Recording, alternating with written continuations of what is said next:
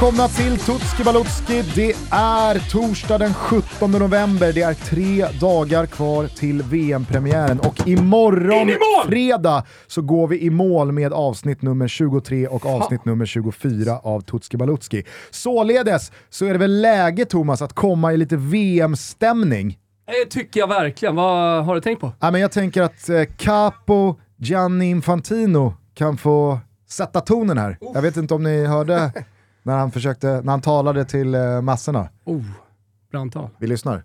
Han är given Sunday. And now, before concluding, I want to see if we can make this place really vibrate. Okay?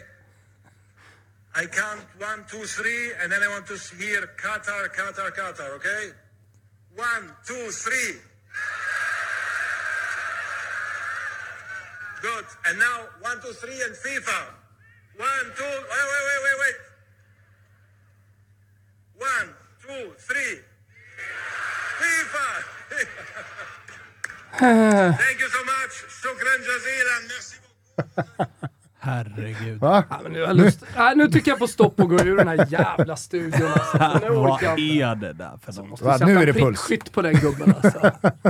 Mygg av. Ja, Läste om av. någon ukrainsk soldat, höll jag på att säga, sniper, som, som prickade någon ryss på 1,8 kilometers avstånd. Nej. Måste ju gå och sätta någon på Infantino alltså.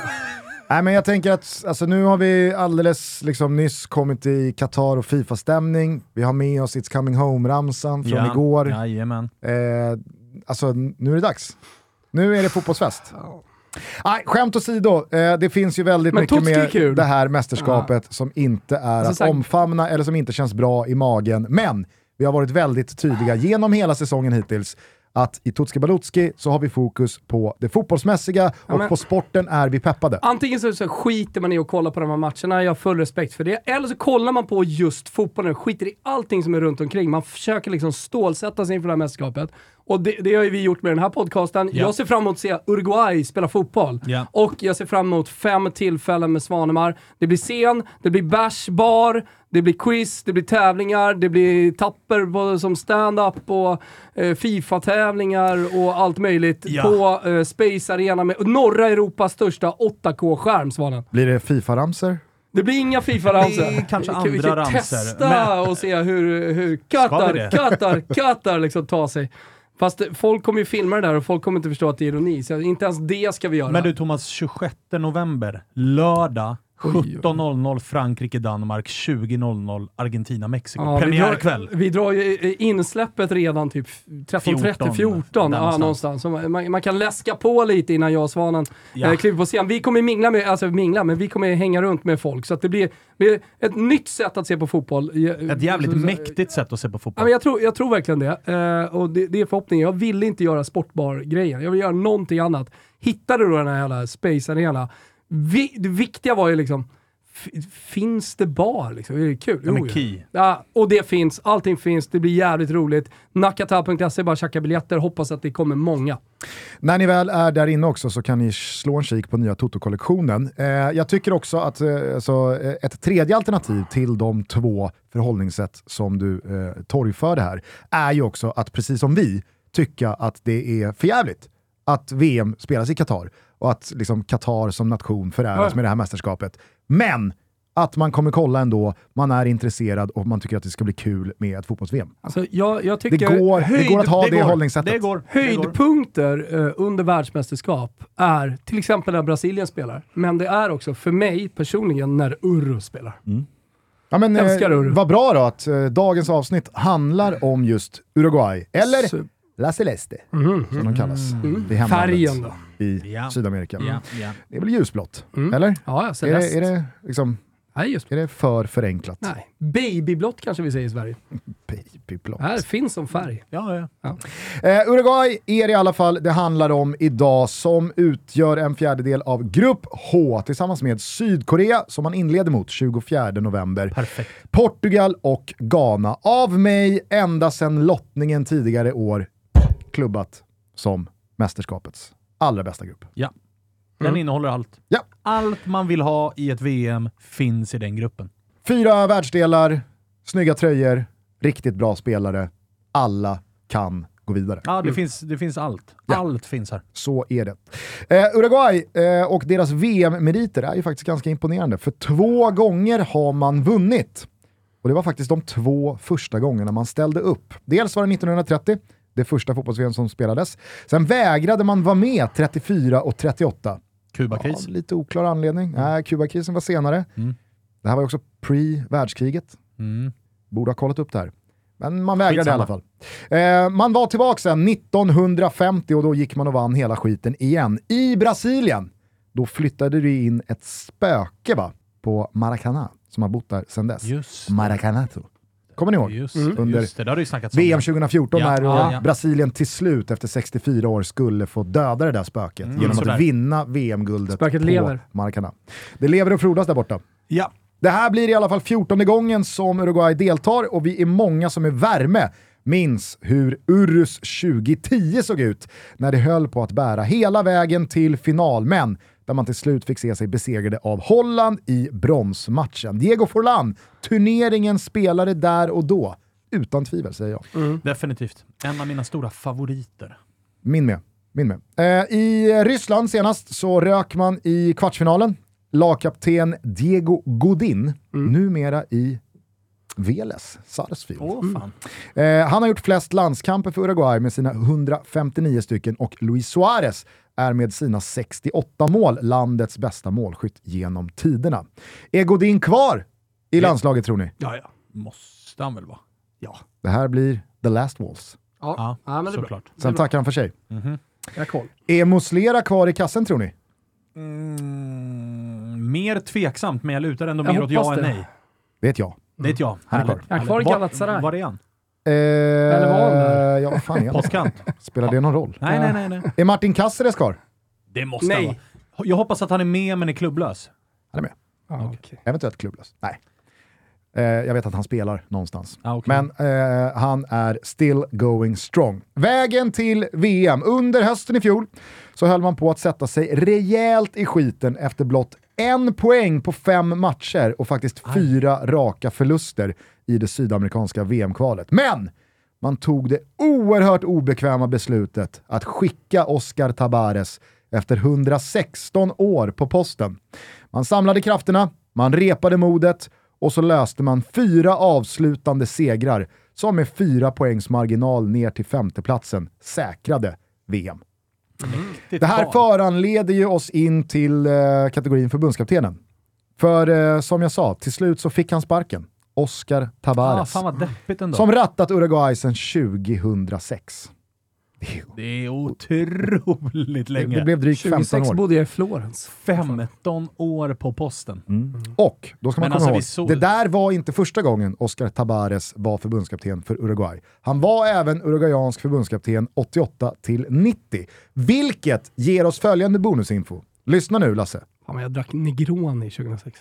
Ja. Peak Negor, Negroni i år. Negroni built this body. Ja. Det var inte det Lasse Granqvist skulle få för bonusinfo här, utan Victor Poa är den enda förbundskapten utöver Oscar Tabares som lett Uruguay i ett VM sedan 1986. Det är jävligt kul alltså. Ja, det är det. det, är det. Han ledde dem 90 och sen så var det då Victor Poa som ledde dem 2002 och sen dess så har Oscar Tabares rattat skutan. Så att, Och det är deppigt att han är borta, men jag, man minns väl också att han såg riktigt trött ut senast det begav sig i VM. ja, och resultaten började ju liksom eh, barka åt helt fel håll. Ja, Eh, så det, det var dags. ja det, det- Uppenbarligen. Det det nog, ja. In kom istället Diego Alonso, super mega fin på Championship Manager 0001, då i Valencia.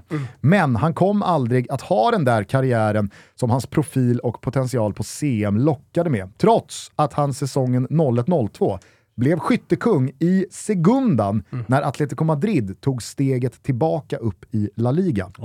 Eh, Men där pikade Diego Alonsos karriär. Det blev sju landskamper för Uruguay totalt och en tränarkarriär nästan omedelbart efter att skorna hängts upp i björken. Han är den enda tränare som vunnit Concacafs Champions League med två olika klubbar. Mexikanska Pachuca och Monterrey. Noterar du Sval? Noterar. Och ni kanske undrar vad hans senaste gig innan då Uruguay sparkade Tabares och ringde var. Ge mig. Han var tränare för David Beckhams Inter Miami. Ah. i MLS. Hur går det för det projektet egentligen? Det går ganska bra tror jag. Det gör det? Ja. Jaha. De har ju haft Pepita Iguain ju, som la Ja, dojorna på la hyllan. dojorna. Och Precis, det, brorsan. var, det var upphängning i björken och tårar och alltihopa. Ja, ja, ja. Pratat, väldigt, pratats väldigt lite om det i Toto Balotto. Jag tror inte överhuvudtaget. Två mini-mini-rykten som jag eventuellt kan bjuda på. Jag Ja. gör det ändå. Mm. I och med att Iguain ett år i förväg la av, lite så här hux flux, så finns det lite, lite minisnack kring Jeremejeff till Inter Miami. Sexigt. Mm. Inte lika sexigt kanske för den Inter Miami-publik som har blivit bortskämda med Gonzalo Higuain, att det är Alexander Jeremejeff som kommer och ersätter. Hej, vad är det Thomas brukar säga? Två mål första matchen. Så, äh, verkligen alltså. Så är allt. Verkligen, verkligen. Alla Eh, det andra miniryktet då. Eh, den gamla sportchefen i Seattle Sounders, Mm. som alltså värvade Erik Friberg, inte en gång utan två gånger till Mm. Seattle. Han är handplockad sportchef numera i Inter Miami. Och han har sträckt ut handen till att Erik Friberg ska bli Norden-scout för Inter Miami. Där har du Trist som, gig. Där har du ett sexigt gig. Trist gig för Fribben och Supersexigt. Jag behöver inte vara Einstein för Ja, att reda han på var är de här MLS. ryktena kommer ifrån, men eh, sexiga rykten. Ja men ändå, som bra profil också. Eh, precis lagt av, eh, mycket energi, eh, bra koll, känner eh, många agenter runt om eh, i Sverige också, har koll på det unga. Och är ju MLS-mästare. Jag menar så här, det, det måste ju ändå... finns ju också Vara ett något, pussel, ha att, något. eh, finns ju ett pussel att lägga här. Att det, det är låga odds på att det kommer komma Dani Larsson-spelare till Inter Miami med tanke på att Dani Larsson, agent, Fribben då, scout för Inter Miami. Ja, de kan nog koka ihop något Det bra går där. att koka ihop en del eh, affärer. Ja. Så är det.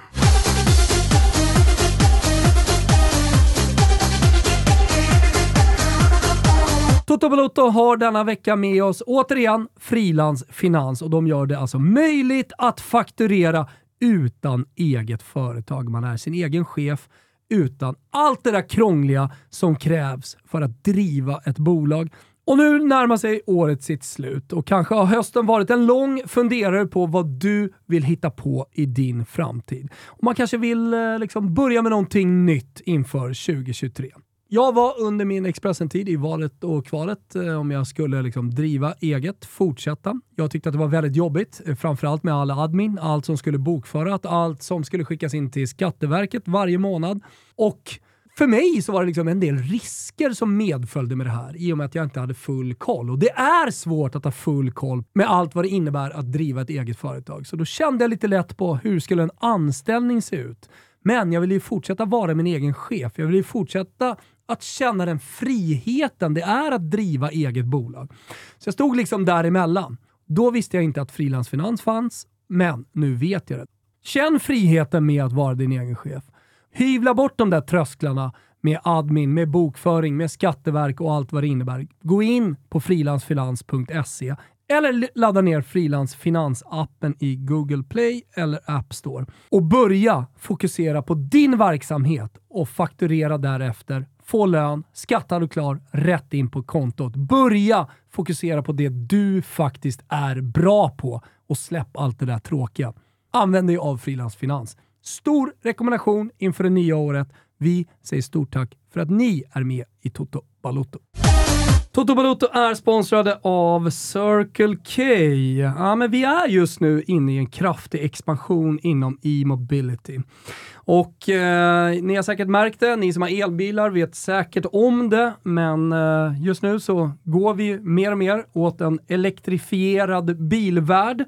Och då har Circle K ambition att vara elbilisternas förstahandsval längs vägarna. Och faktiskt bli Sveriges ledande destination för snabb och ultrasnabb laddning. Nu finns det ju en rad ultrasnabba laddplatser runt om i Sverige. Hur vet man var dessa finns och alla andra laddplatser då hos eh, Circle K? Jo, jag kan först och främst säga att de expanderar väldigt snabbt borta hos eh, Circle K. Så att det kommer nya ultrasnabba laddplatser hela tiden.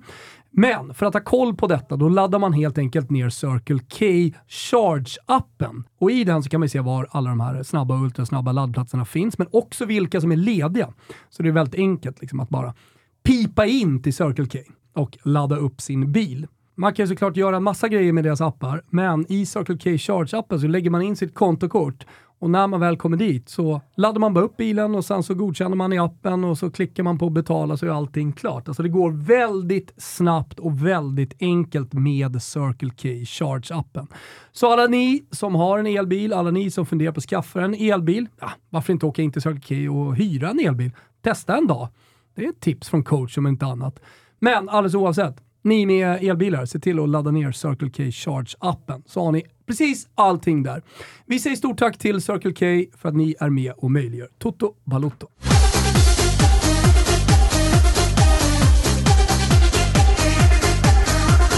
Eh, vi har kommit till kategorin Most Valuable Player, alltså Oj. MVP. Vi har ju redan pratat om att Muslera eh, är kvar i kassen, Ja. Diego Godin är kvar eh, i mittlåset.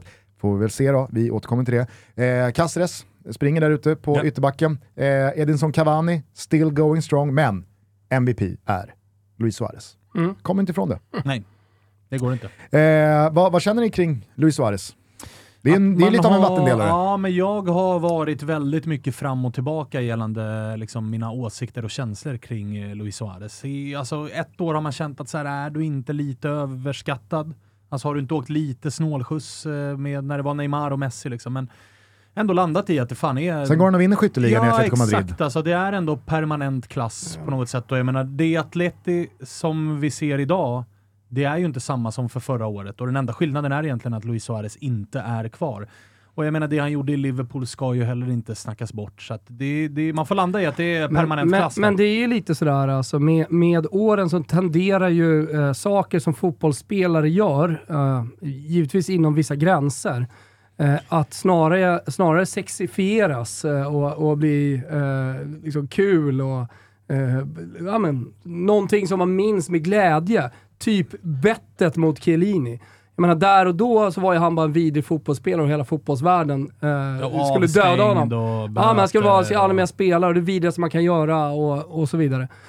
I, alltså, nu idag kan jag ju tycka att det känns lite sorgligt att Luis Suarez är på väg eh, emot eh, karriärens ände. För jag misstänker att det blir hans sista mästerskap nu.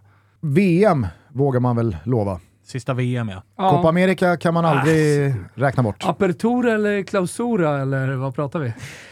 Ja, men eh, klausura. Ja, nej men det är bara i, i ligorna, jag fattar det också. Men, men okej då, eh, alltså världsmästerskap. Och det, det, det är alltid tråkigt. Vi har haft några nu under Totski-avsnitten, spelare som har varit med länge och som man har uppskattat, som, som gör sitt sista mästerskap. Och vi får väl ändå tro då att eh, Luis Suarez gör sitt sista nu.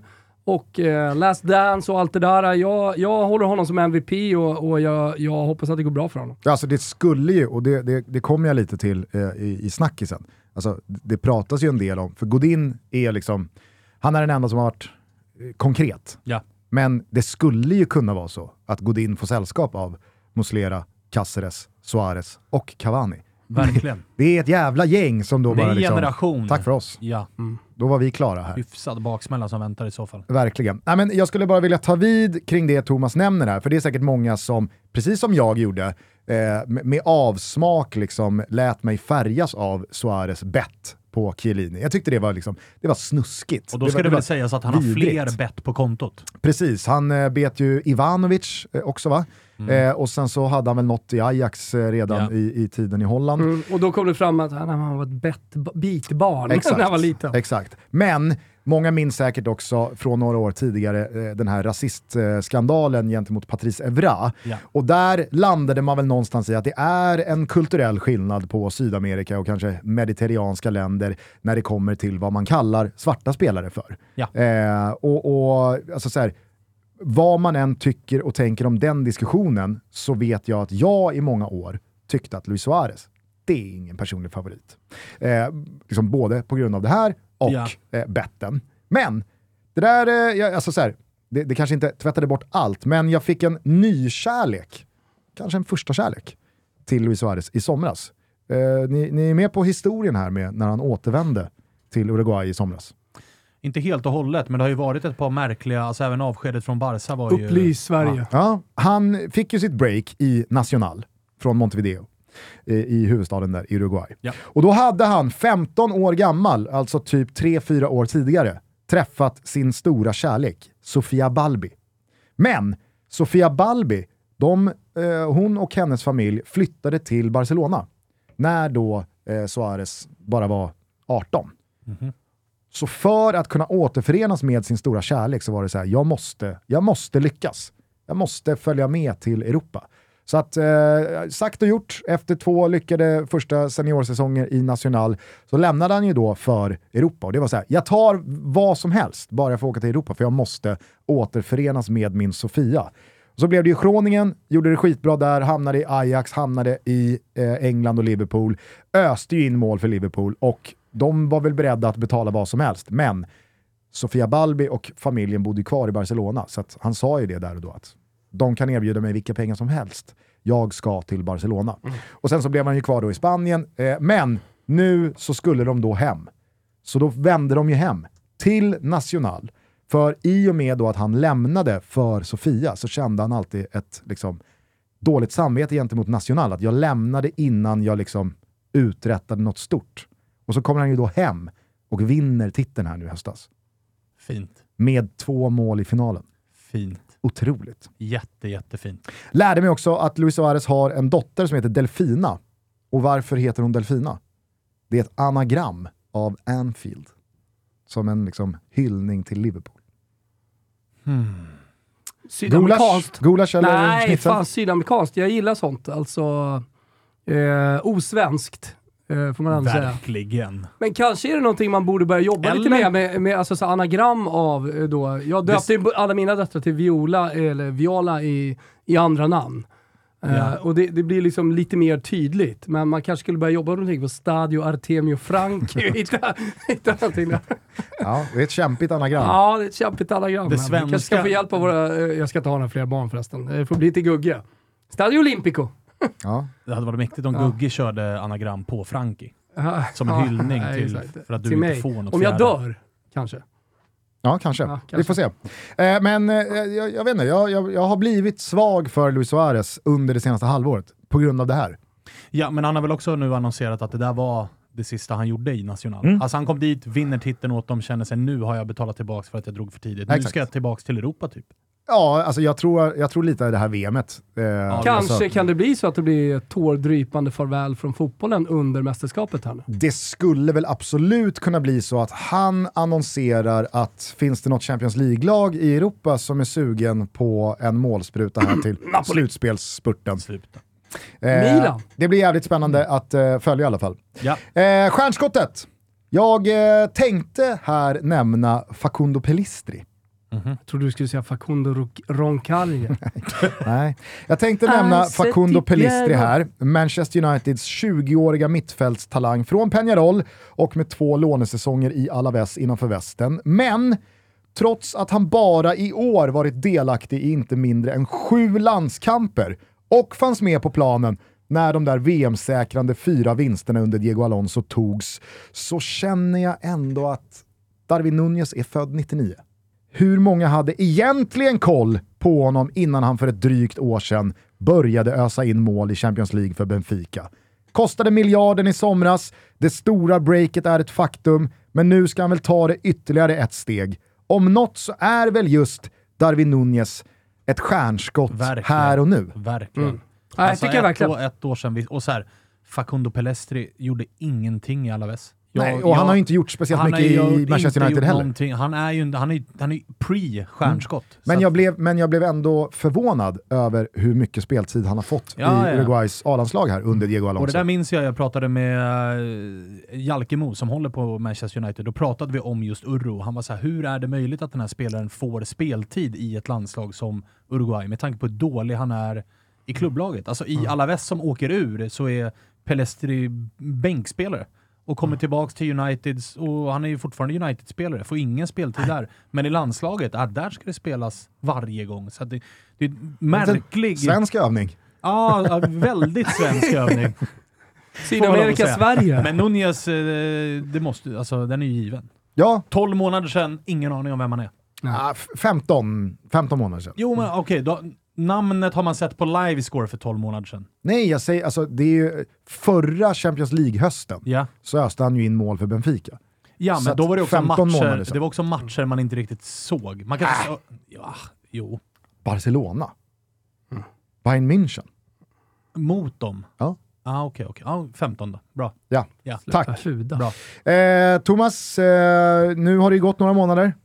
Vad är din liksom slutgiltiga dom eh, kring eh, Darwin Nunez start i Liverpool? Eh, helt okej.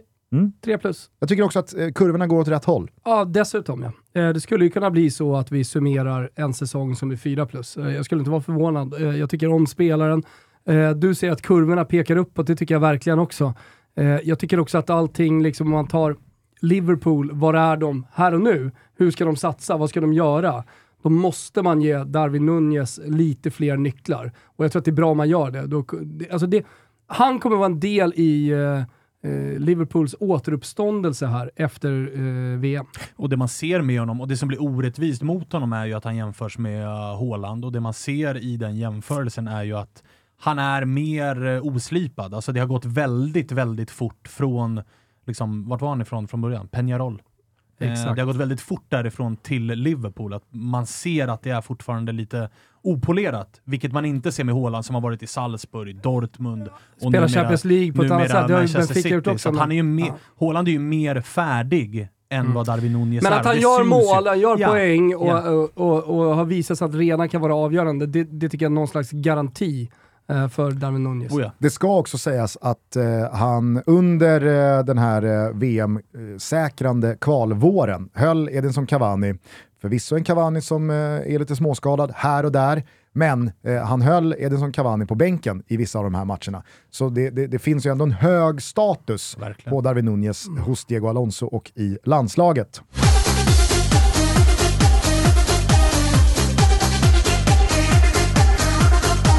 Toto Balotto är sponsrade av Tre.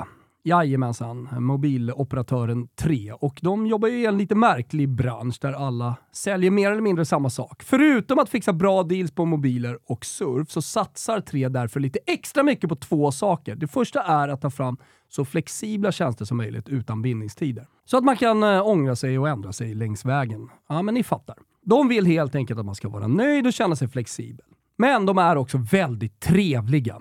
Och när jag menar väldigt trevliga så tycker vi att det är härligt att de har gett oss utrymme i deras spot här nu att prata om precis vad vi vill. Och vi har ju en systerpodd som heter Never Forget, så jag tänkte faktiskt att eh, utnyttja den här stunden att presentera Erno Erbstein. Jajamensan. Lyssna in och om ni får mer feeling så kan ni fortsätta lyssna på Spotify där hela vårt bibliotek av Never Forget-avsnitt finns. De kommande åren under Erbsteins överinseende cementerade Il Grande Torino sin status som Italiens överlägset bästa och mest framgångsrika lag. De gjorde processen kort med ligatitlarna och spelade en typ av fotboll som kan beskrivas som totalfotboll. Ett fenomen världen inte skulle se igen förrän det holländska ditåt på 70-talet.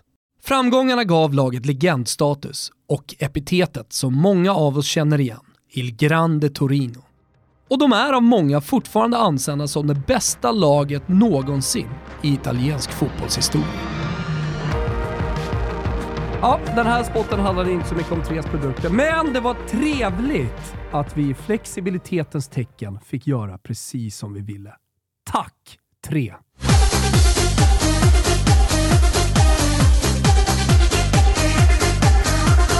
Eh, men eh, vår gubbe är han inte. Långt därifrån skulle jag säga, för vår gubbe, han heter Federico Fede Valverde.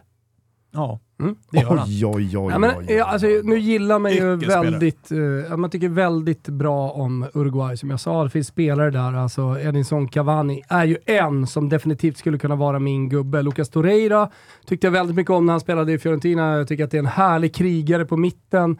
Uh, Mattias Vesino som är, kanske, kanske man inte är på Jo, samma så här, nivå. Vilken nytändning i Lazio. Alltså från Ja. frysbox i Inter i ett par år Ja, men vi till en om, ganska eh, rejäl nytändning i Lazio. eller man brukar prata om Uruguay som självklart fötter och så vidare, men också liksom ett stenhår, ofta stenhårda mittfält. Eh, mittbackar som inte lägger några fingrar emellan när de ska tackla.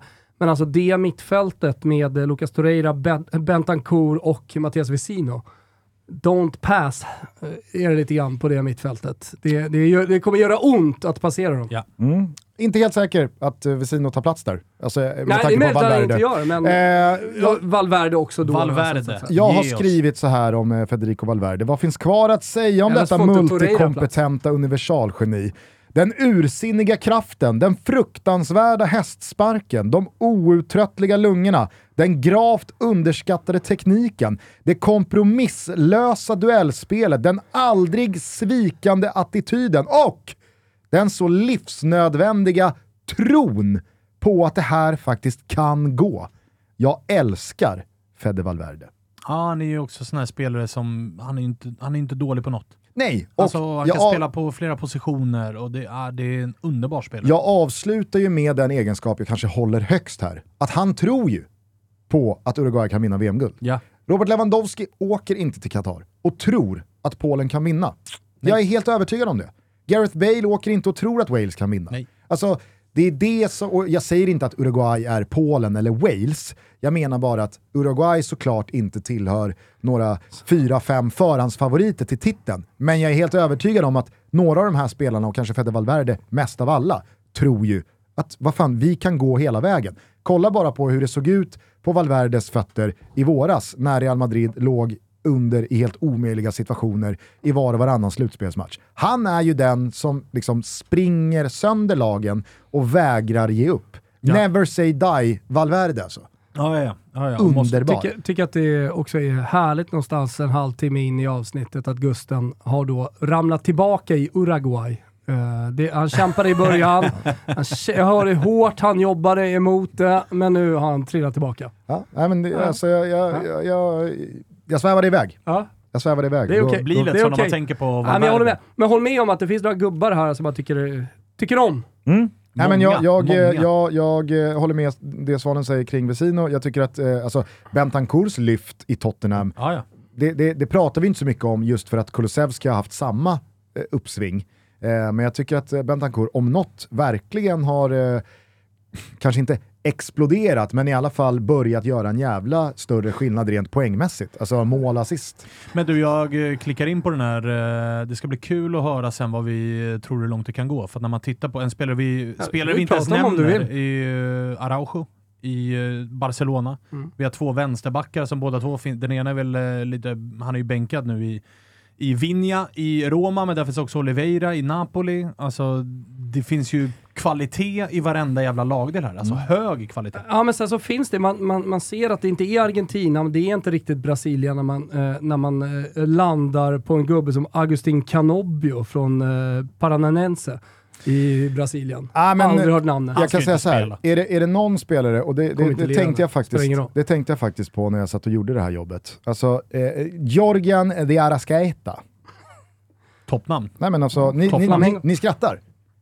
Nummer 10 Nej, alltså toppnamn är det ser att han har, så jag misstänker att det är något du har sett här. Nej, Han han var- nej. nej men alltså så här, det, det, här, det här är liksom, det här är ett, det, det är bastning till er, det är bastning till mig, det är nog bastning till de flesta. Ja. Alltså, det här är Uruguays nummer 10, han har varit landslagsman sedan 2014. Ja, men jag minns ju namnet näst från bäst, 2018. Näst bästa målskytt i kvalet, Oh. med, med fem mål. Oh.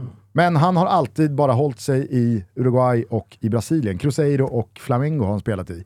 Eh, men, men det är en sån här spelare som aldrig någonsin uppmärksammas i Europa. Eh, överhuvudtaget, just för att Uruguay, de stannar Mm. maxkvarten. Ja. Och sen så går alla tillbaka till sitt och följer den europeiska fotbollen. Ja. Och då så är det liksom så här, Jorgen de Arascaeta med nummer 10 på ryggen, hur många landskamper som helst och uppenbarligen, jävla nav Alltså i tian, Diego Alonsos landslag här. tian och namnet är ju och nosar på vår gubbe. Ja, Ja, det, det, är, det är ett ruskigt gäng de sitter inne på. Eh, Fede Valverde är i alla fall vår gubbe, Darwin Nunez är stjärnskottet och Luis Suarez är MVP. Vad gäller snackisar så är ju den stora snackisen kring Barcelonas mittback Ronald Araujo. För den 23 september i träningslandskampen mot Iran så skadade han sig efter bara några minuter. De initiala rapporterna handlade om att det bara skulle vara två veckor out, men det här eh, blev då en eh, jobbigare eh, konvalescens. eh, Eller än- blev det det? Jo men det är det jag var inne på. Alltså, För Nico Gonzales i Argentina har ju ungefär samma sak, uttagen i den argentinska truppen. Mm. Eh, och Italiano, han, alltså tränaren i Fiorentina, han bekräftade det. Att eh, nej, men Nico Gonzales, han är fullt frisk. Han kan spela den här matchen, men han är mentalt i VM. Han, är, Mm. Han vågar inte gå in i närkamper. Eh, det, jag, jag, kan inte, jag kan inte använda mig av en spelare. Han är rehabiliterad fysiskt, men inte mentalt. Och istället för då att kämpa sig tillbaka för att spela några veckor med Barca innan VM-uppehållet så tog istället Araujo beslutet att operera den här skadan. Och då visste man att så här, då kommer inte jag spela något mer med Barca. Utan jag ska vara 100% återställd till VM. Men vad har det kostat i matchform? Ja. När man inte har spelat då på två och en halv månad. Det återstår att se och med tanke då på att Diego Godin är kvar i laget, han är Kapten. lagkapten, han är Mm. meste liksom landslagsman och där finns ju hans gamla parhäst från Atletico Madrid i José Maria Jiménez. Så är det ju liksom så här, jaha, ska vi breaka upp ett sånt mittbackspar Med för Araujo. Araujo som inte har spelat på två månader? Ja. Eh, det är ju en eh, stor snackis. Eh, och såklart. sen så har vi ju då lite liknande situation kring Edinson Cavani i och med att han skadade sig mot Barcelona i slutet av oktober. Eh, han är ju liksom på en helt annan nivå legacymässigt och statusmässigt Mm. än Darwin Nunez. Men Darwin Nunez är ändå en miljardman från Liverpool som uppenbarligen hållit honom utanför startelvan tidigare. Eh, Så ja, de får inte ihop det här, alltså de, det är inte tremananfall med Nunez, Suarez, Cavani. Utan det är två Ja. spelar, en bänkar. Luis Suarez startar. Ja. I alla de här eh, landskamperna under Diego Alonso Ja. så är det Suarez med antingen Darwin eller Cavani. Då är ju känslan att det kommer bli Darwin. För att Cavanis, Ja, det tror jag alltså. Cavanis höst har ju varit för uh, hackig. Ja, sen, sen var han ju verkligen liksom på gång uppåt Ja, ja. när han skadade sig där mot, Men mot Barca. samtidigt kan man ju se lilla bytet om det är mållöst i 57 minuten och inte i 80, 81. Ja, ja, verkligen. Men det där kan väl också vara en förbannelse, alltså så här Kim Anders Kim Anders-förbannelsen. Ingen av dem känner förtroende. Exakt. Båda går bara och tittar mot bänken. Den som sitter på bänken är för bra för att bara ges 14 minuter. Ja. Då lockas man av att så här, kasta på med 38 kvar istället. Jo men Cavani kanske inte har 90 minuter i sig. Det är väl en perfekt supersub att eh, liksom komma in och avgöra en åttondelsfinal eller vad det nu är. Det här har också att göra med vår rubel. Eh, för vi tror nämligen att Valverde, Suarez, Cavani och Darwin Nunez gör mål. Alltså alla fyra. Eh, och det är lite sett till liksom, ja, men hur speltid eventuellt kommer att fördelas. Valverde, han gör bara mål. Så är det. Han är en VM-spelare. Han kommer vara viktig här. Eh, Suarez, han startar, Valverdes mål. målform är ju otrolig ska sägas. Alltså han har ju öst in mål den här hösten för Real Exakt, Madrid. en sån sak. Cavani Nunez delar lite på målskyttet också. Eh, och det här, får man, eh, det här är boostat till hela åtta gånger pengarna. Eh, så det här är en rolig rubel om man gillar Uruguay och ja, men, gillar det här spelet såklart. Det, det är väl en förutsättning. Eh, som man hittar under godbitar boostade odds på Betsson.com. 18 år, stödlinjen.se om man har problem med spel. Underbart! Hörni, nu återstår det bara en Tutski Balutski dag. Det är imorgon fredag. Då handlar allting om eh, Portugal och Belgien. Sen så är vi i mål med alla 24 episoder och så tar vi en liten andningspaus på lördag, samlar krafterna, kanske tittar in Sveriges eh, träningslandskamp. Just det. Va? Tycker jag. Just det. Lilla för, förjaman. Men vad fan, Rodén är där, Mange är där. Ja, ja. Alltså, är där. jag vet inte om ni läste här, eh, ni såg kanske Viktor Gyökeres eh, mål han gjorde här för några veckor sedan. ja, sexigt. Ja, Ballon d'Or efter. Ja, nej men i, i, igår då så såg jag bara... Framförallt från dig på Twitter lät som att, shit. Jag sa bara att det här målet omvärderar hela min liksom, syn på Viktor Gyökeres. Det var det jag skrev. Ensam cirkushistorien. Hur som helst ifrån, så ja. läste jag igår på typ Expressen eller någon fotbollskanal eller vad det var, att eh, rubriken var då “Jämförs med Haaland efter supermålet” och så var det då citatrubrik från Viktor Gyökeres. Ja, det har varit lite snack om det. Nu lugnar vi oss. Nu, Viktor, lugnar vi oss en aning. Verkligen. Men som sagt, svensk träningslandskamp på lördag, sen så drar VM igång på söndag. Det Kul. där kan ni nu. Skaffa ett Premium Plus-abonnemang. Jag behöver inte säga mer än så. Nej, och, och gå in på nakata.se, tjacka en snygg tisha, tröja och framförallt eh, köp en biljett till min och Svanemars show, höll jag på att säga. Men det blir ett nytt sätt att hänga på fotboll. eh, Eller så handlar man för eh, Space. 1100. Det kan man också göra. Handla för 1100, kö- Win-win. liksom en hoodie och kanske en tisha och så får man en biljett på köpet. Så att, eh, det är bara att gå in där. Kul att ni lyssnar. Skit på er. Verkligen, vi hörs imorgon. Ciao tutti. Ciao tutti.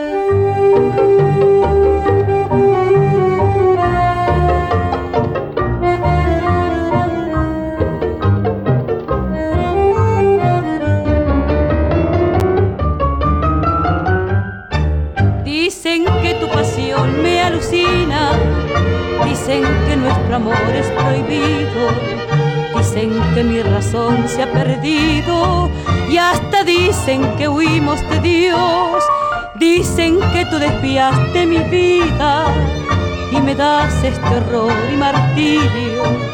Pero yo, pero yo solo digo, la razón está en tu corazón, tu corazón. Es el incendio donde yo quemé mi vida y mi ilusión, pues eres llama en mi. Corazón, tu corazón, que puede más que yo, que puede más que Dios, que vence a mi razón, que va donde tú vas. ¿Por qué voy a negar si todo está en tu corazón?